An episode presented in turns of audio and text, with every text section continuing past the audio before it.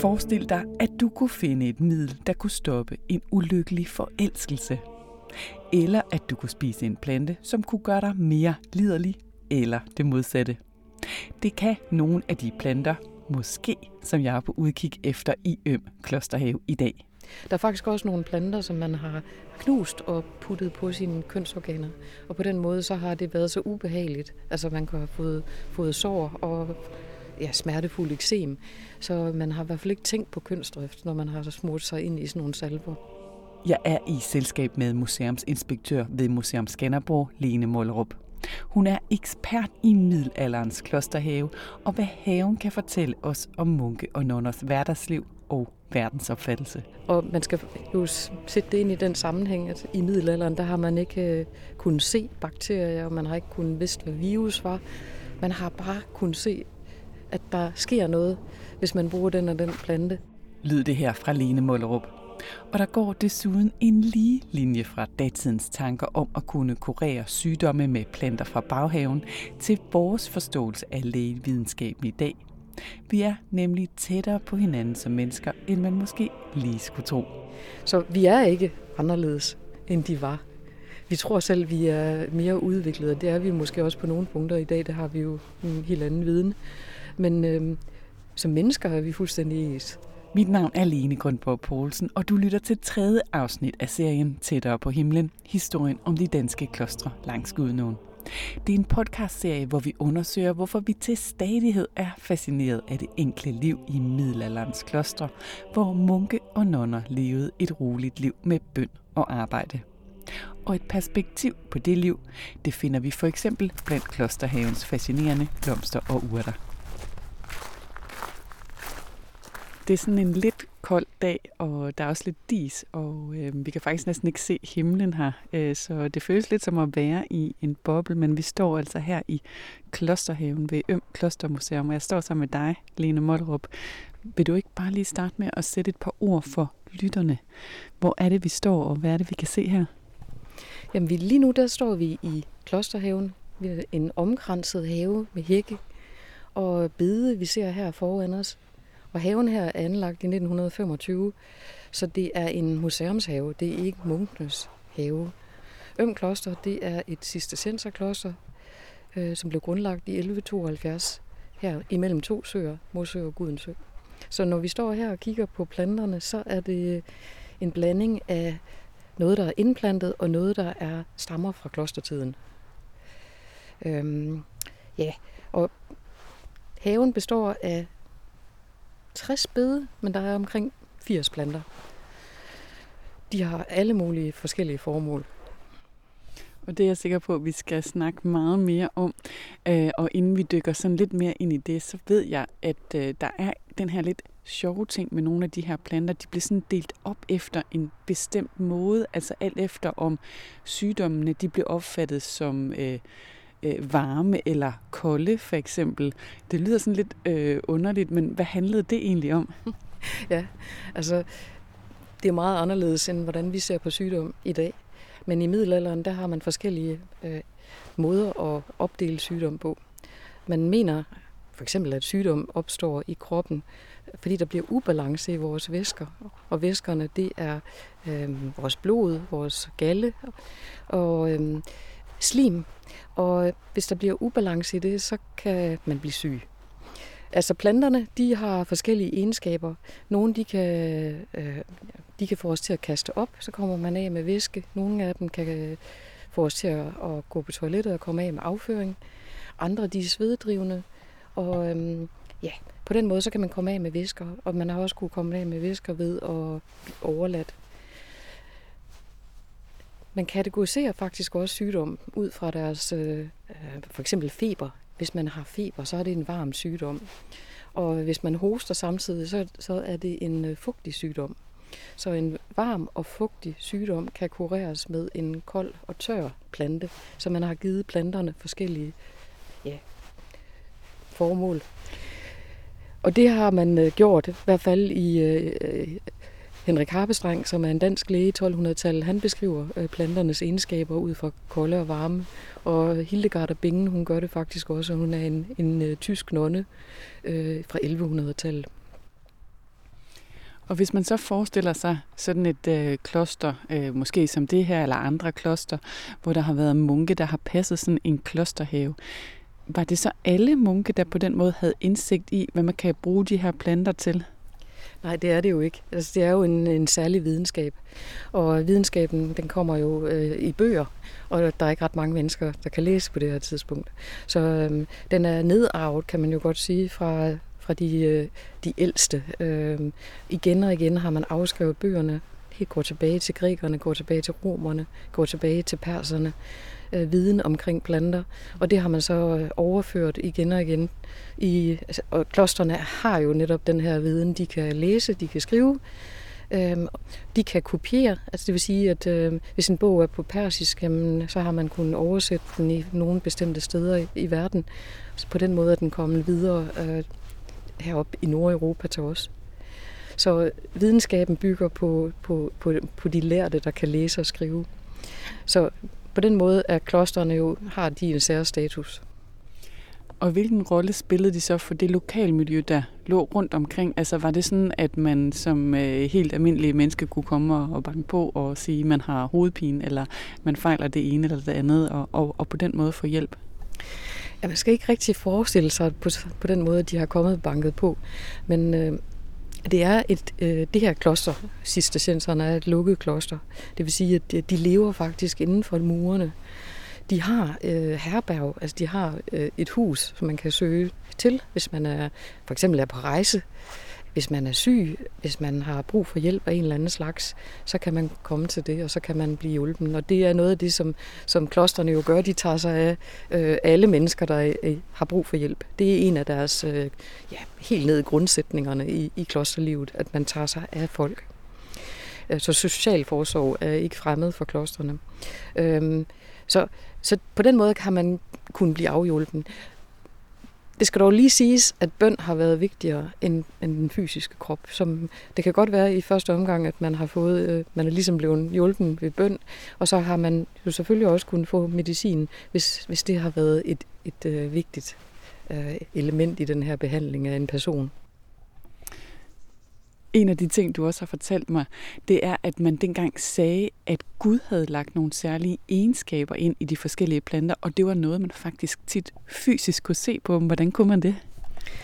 Ja, det er rigtigt. Altså, det er endnu en af de her måder, man har kategoriseret planter på. Og man kan godt sige, at det er ikke den lærte øh, videnskab. Det er måske mere folketroen. Man har kigget på, øh, hvordan planten ser ud, og ud fra den har man afkodet, øh, hvordan. Hvis den har hjerteformede blade, jamen så er den sikkert god til hjertelidelser. Hvis den har nyreformede blade, som den vi kan se herover, så, har den, øh, så er den sikkert god mod mod øh, Og hvad er det for en, der har de der nyreformede blade? Jamen det er, det er den her hasselurt, som har sådan øh, nyreformede blade, mm. som ville være, ja, sandsynligvis være god for nyre, nyresygdomme. Over på den anden side herover, der har ja, vi... skal vi lige øh, prøve at gå ja. derover?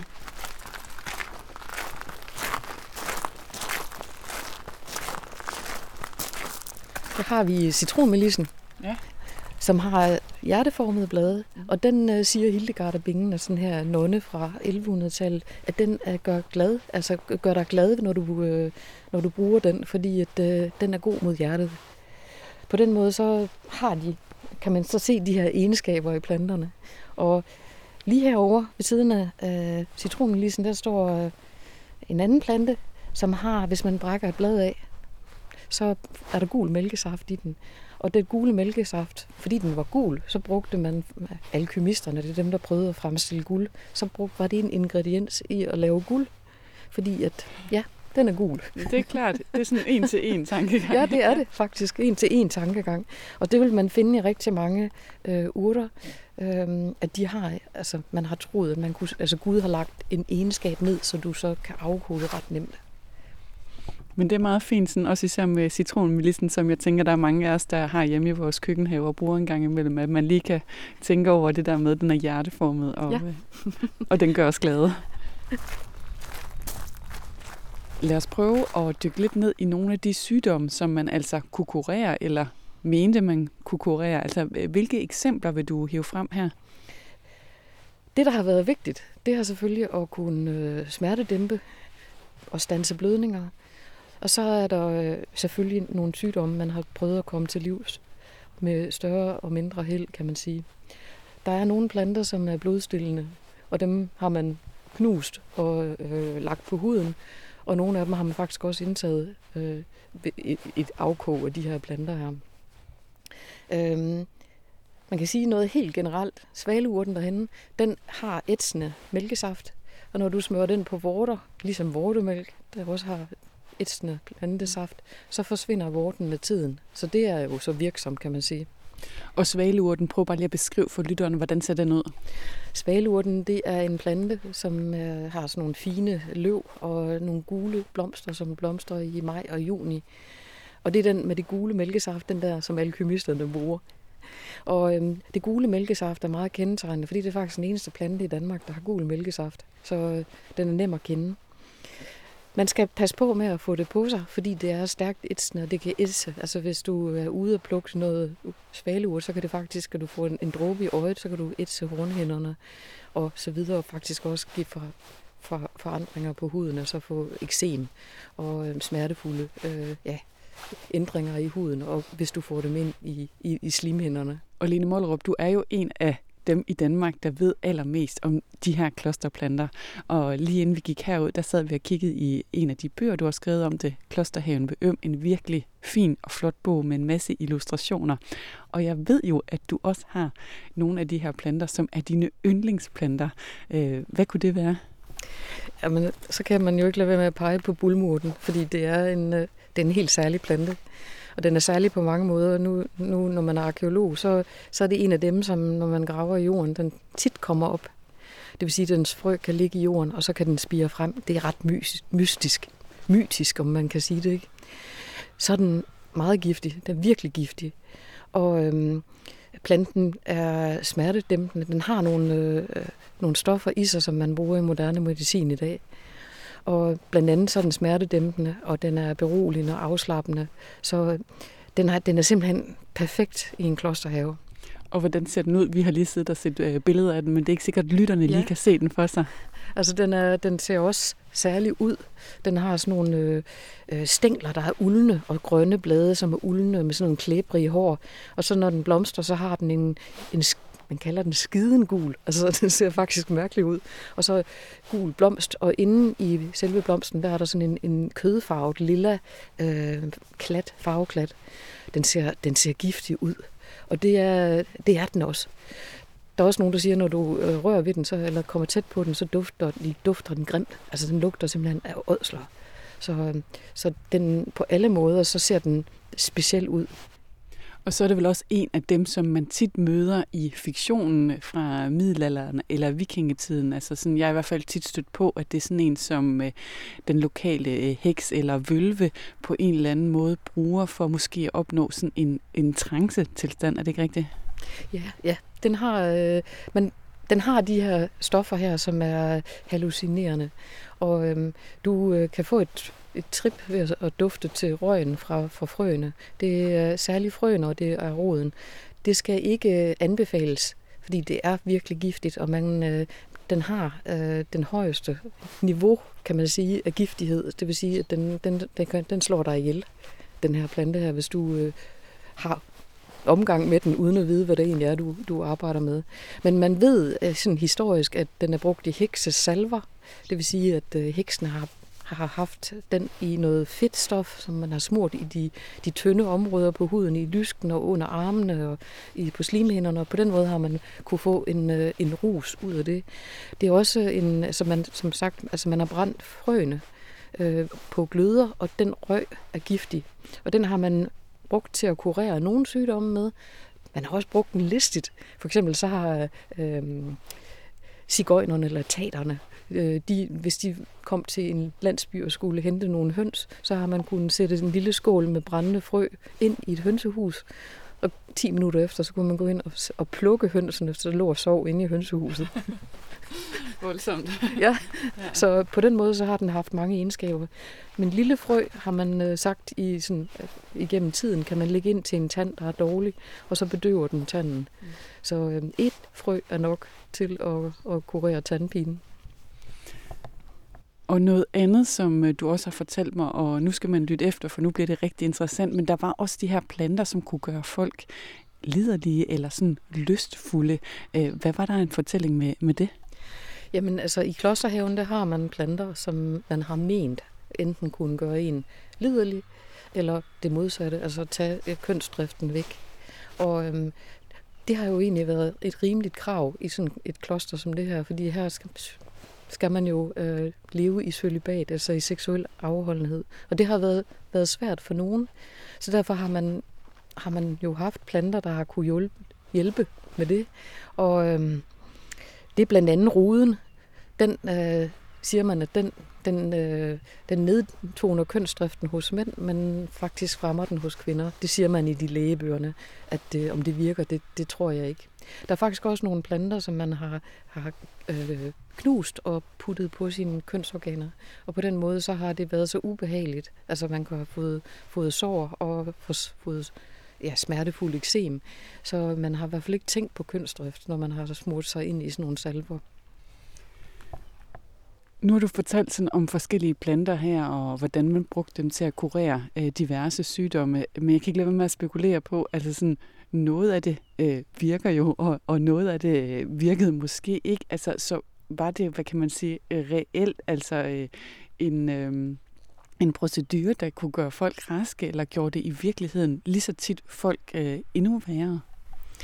Ja, der er faktisk nogle planter, der har medicinsk virkning, og der, mange af de lægemidler, vi bruger i dag, stammer fra planter. Øhm, så der er noget, der har virkning, og noget, der ikke har virkning. Så der er en god blanding af overtro, og så er der en blanding af, at der er faktisk noget, der virker. Og det er jo en blanding af, at man, man har prøvet sig frem og fundet nogle, øh, nogle, nogle løsninger på bestemte problemer, og så har man kunnet bruge det igen og igen. Og fordi at, at øh, medicinsk viden er nedarvet igennem årtusinder, så har man jo ligesom fundet frem til noget, der virker. Og noget af det, der virker, det er øh, ofte de giftige planter, der netop har en effekt mod smerter, øh, en effekt mod, øh, ja, hvis man har haft, haft øh, voldsomme smerter inden i kroppen, har det kunne hjælpe. hjælpe. Altså, der er jo ikke ret meget, man kan stille op mod kraft i middelalderen, for den sags skyld, anden at smertedæmpe det. Men man har troet på, at der er flere planter, der har haft en effekt. En plante som øh, fingerbøl, altså øh, digitalis, den øh, har egenskaber mod, altså den har nogle stoffer i sig, som virker mod hjertemuskel, eller virker på hjertemusklen. Det vidste man ikke i middelalderen. Det er faktisk noget senere, man finder ud af det, men man behandlede indirekte dårlig hjerte, fordi at man brugte den mod det, der hed vattersot, altså en væskeophobning i kroppen, som er følge af dårlig hjerte, ofte kan være et følge af dårlig hjerte. Og på den måde så brugte man den indirekte mod den lidelse, som den egentlig var tiltænkt til. Og så er først i 1700-tallet, at man finder sammenhængen mellem vattersot og dårlig hjerte, og man faktisk bruger digitalispræparater i bladform ind i moderne tid, og nu fremstiller man det så kemiske. Jeg kunne godt tænke mig lige at vise dig den her, fordi ja at man kan jo ikke lugte og dufte de her dejlige planter igennem øh, lyd, men øh, du kan jo lugte til den. Altså, jeg får den ja. lige her. Det er en lille knop fra Porse. Mm, den har en dejlig ja, lugt, ikke Og lige om lidt, så, så, så springer de jo ud, og det er jo fantastisk. Og porsen er bare en dejlig lugt porske, porse, ligesom øh, vi også har humle her i Klosterhaven, mm. det er øh, konserverende. Det vil sige, at øh, man kan konservere mad og drikkevarer med, med, med nogle planter, og det har man gjort. Og dufte har haft en stor betydning. Der er også planter i haven, som øh, man har brugt til at rense, altså rense sig selv, sin hud og sit hår. Øhm, balsam vand har man kunnet skylle sit hår i, og så har man kunnet komme til at dufte lidt bedre. Sæbeurt er en saponin, eller har saponiner i sig, altså det vil sæbe. Og den står herovre, den blomster. Øh, det er en stavte. Mange har den faktisk i haven derhjemme med sådan nogle fine lyserøde blomster. Mm. Og når man knuser stænglerne, så begynder det sådan at skumme. Mm. Og det har man øh, kunnet bruge til at rense sig selv og sit tøj og ja, jeg synes næsten, vi skal lige prøve at bevæge os lidt den her vej, og så lige prøve at gå rundt om hjørnet her, så får vi det fulde blik ud over klosterhaven, og så ved jeg også, at vi, vi kommer ned til et sted, hvor du har nogle lidt sjove anekdoter, vi skal høre. Ja. Jamen, det er betone, vi har her, og det er en øh, plante, plante som er omgivet med rigtig meget overtro, kan man sige.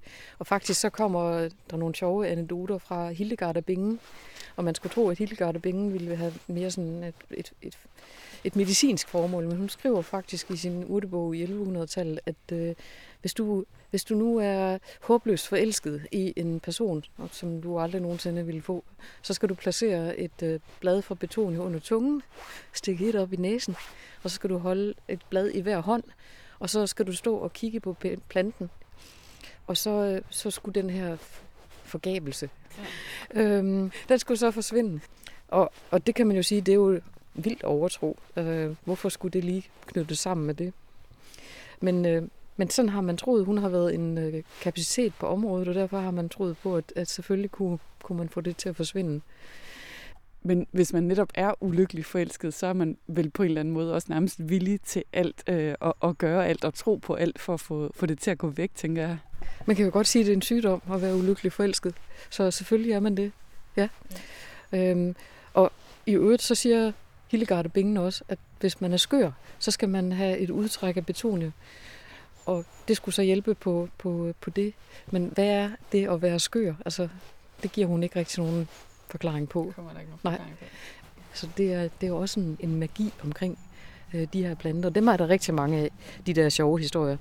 Matrim for eksempel, der siger man, at hvis en gravid kvinde lugter, dufter til matrim, så vil hun få et rødt, rødhåret barn. Så vil hun føde et rødhåret barn.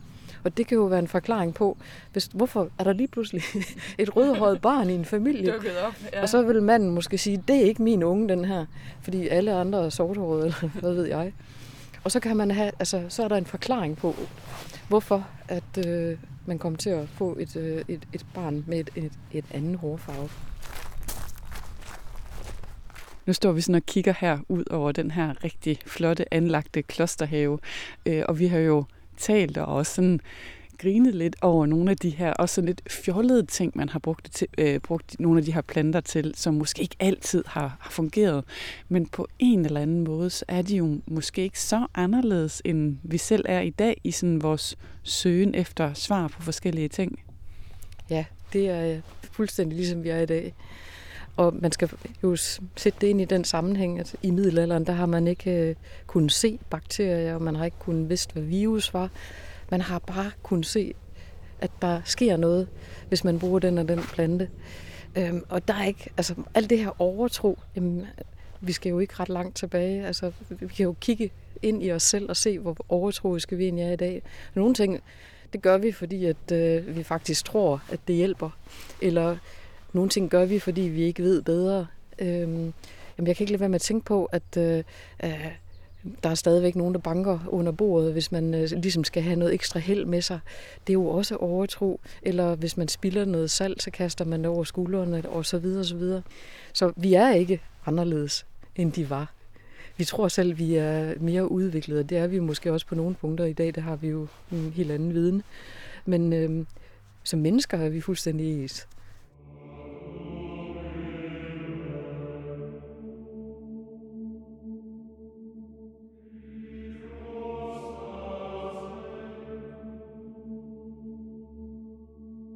Du har lyttet til det tredje afsnit i podcastserien Tættere på himlen, historien om de danske klostre langs Gudnåen.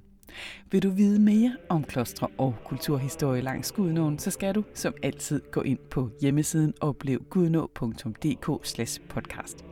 Og husk at lytte med i næste afsnit, hvor vi skal have jord under neglene, når Kirsten Nellemann Nielsen fra Museum Silkeborg viser rundt på den arkeologiske udgravningsplads ved det gamle Alling Kloster.